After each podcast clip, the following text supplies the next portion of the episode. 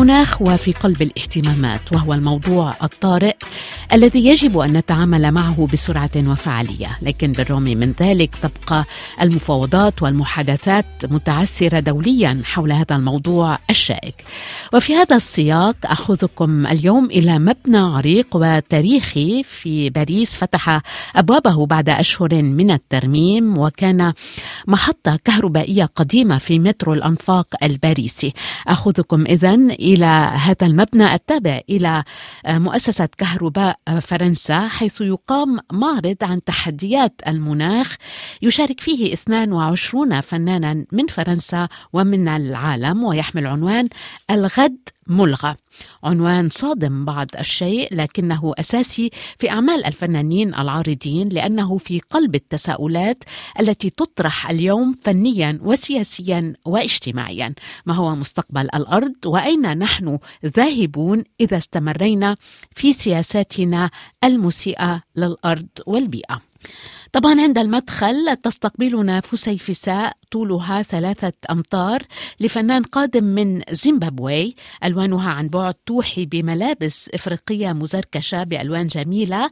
لكن عندما نقترب منها ونراها عن قرب نصدم لأنها مصنوعة من أنابيب معجون أسنان فارغة أنابيب فارغة ومن رؤوس فراشي أسنان ملونة ومن أغطية قناني الكوكاكولا البالية. وهذه الأغراض متصلة ببعضها البعض بشباك الصيد. آلاف النفايات الآتية من الغرب من البلدان الغربية. جمعها الفنان من مكبات النفايات في زيمبابوي واستخدمها في لوحاته.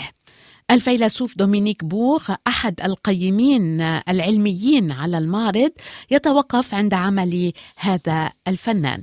On envoie dans ce pays des déchets. des déchets plastiques. Et vous savez que précisément les plastiques, une catastrophe pour toute la, la vie. يقول نرسل إلى زيمبابوي نفايات من البلاستيك وكما تعلمون البلاستيك هو كارثة للحياة.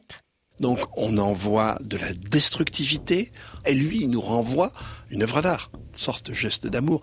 نرسل دمار وهذا الفنان يرسل لنا عملا فنيا وهذا فعل حب قوي اسم المعرض الغد ملغى مأخوذ من عمل موجود عند مدخل المعرض وهو عبارة عن ثلاث مجموعات من اللوحات لفنان الشارع الفرنسي غيغو. وعلى لوحة منها كتب الفنان بأحرف بيضاء مشطوبة كتب الغد ملغى على خلفية مستطيلات رفيعة أفقية زرقاء وحمراء. واستوحى هذه المستطيلات من دراسة حول المناخ. غيغو.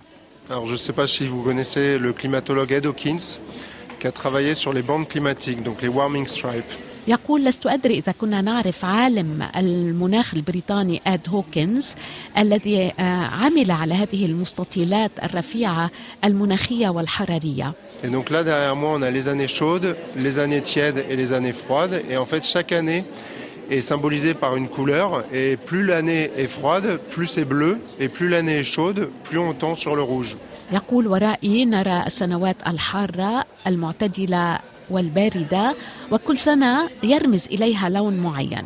كلما كانت السنة باردة كلما كانت زرقاء وكلما كانت حارة كلما توجهنا إلى الأحمر. C'est un triptyque Et donc les trois aphorismes posent la question de comment on est par rapport au climat, comment on doit agir, comment on doit interagir et si demain est annulé ou pas.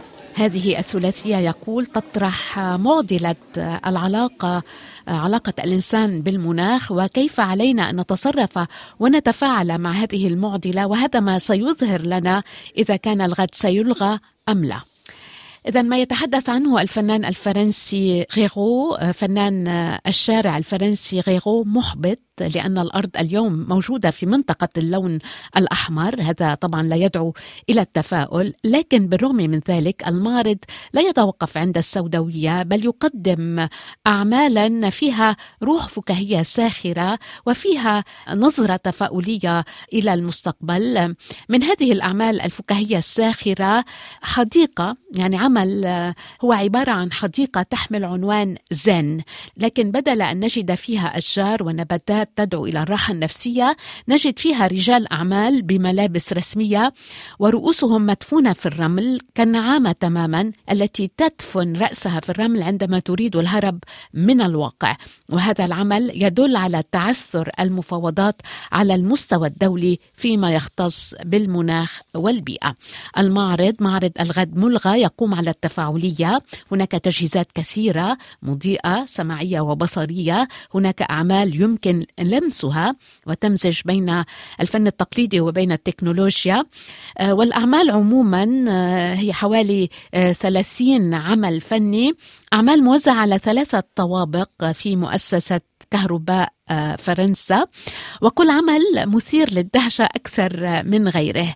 معرض الغد ملغى هو نداء للربط بين القديم والجديد بين الماضي والحاضر وهو دعوة كي نعي المخاطر التي تنتظرنا في الغد وقد تلغيه إذا لم نتصرف لمعالجة هذه المخاطر اليوم. المعرض مستمر حتى 29 من سبتمبر المقبل في مؤسسة كهرباء فرنسا.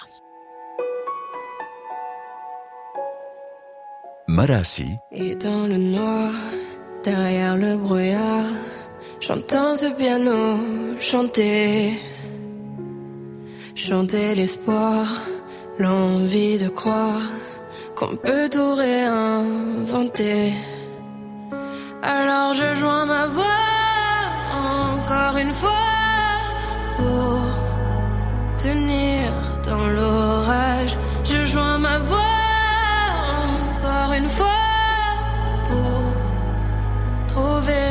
le courage.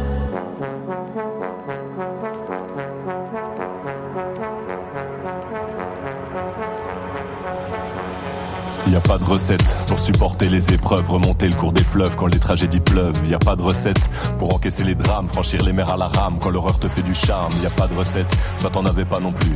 Personne t'avait prévenu, tu t'es battu comme t'as pu. Y a pas de recette quand l'enfer te serre la main, abandonner c'est humain, l'avenir c'est loin. Mais tu t'es mise à chanter, même pas par choix, comme à chaque chute, à chaque fois ça s'est imposé à toi, chanter. Comme un enfant surpris, comme un instinct de survie, comme un instant de furie. Chanter pour accepter, exprimer, résister, avancer, progresser exister, chanter comme une résilience, une délivrance, chanter comme une évidence. Et dans le noir, derrière le brouillard, j'entends ce piano chanter. Chanter l'espoir, l'envie de croire qu'on peut tout réinventer. Alors je joins ma voix encore une fois pour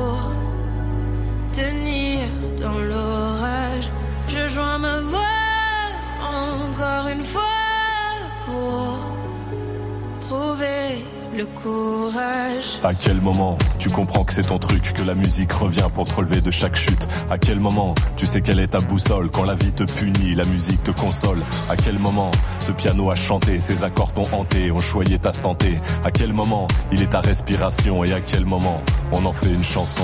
Si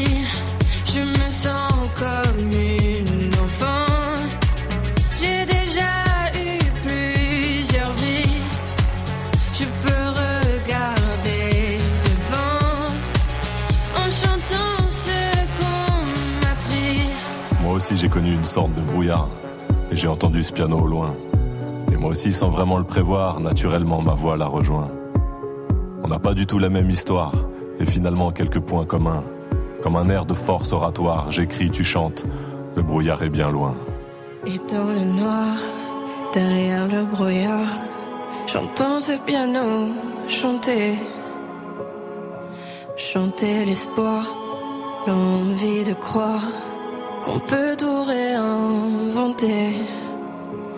Alors je joins ma voix encore une fois pour tenir dans l'orage. Je joins ma voix encore une fois pour trouver le courage.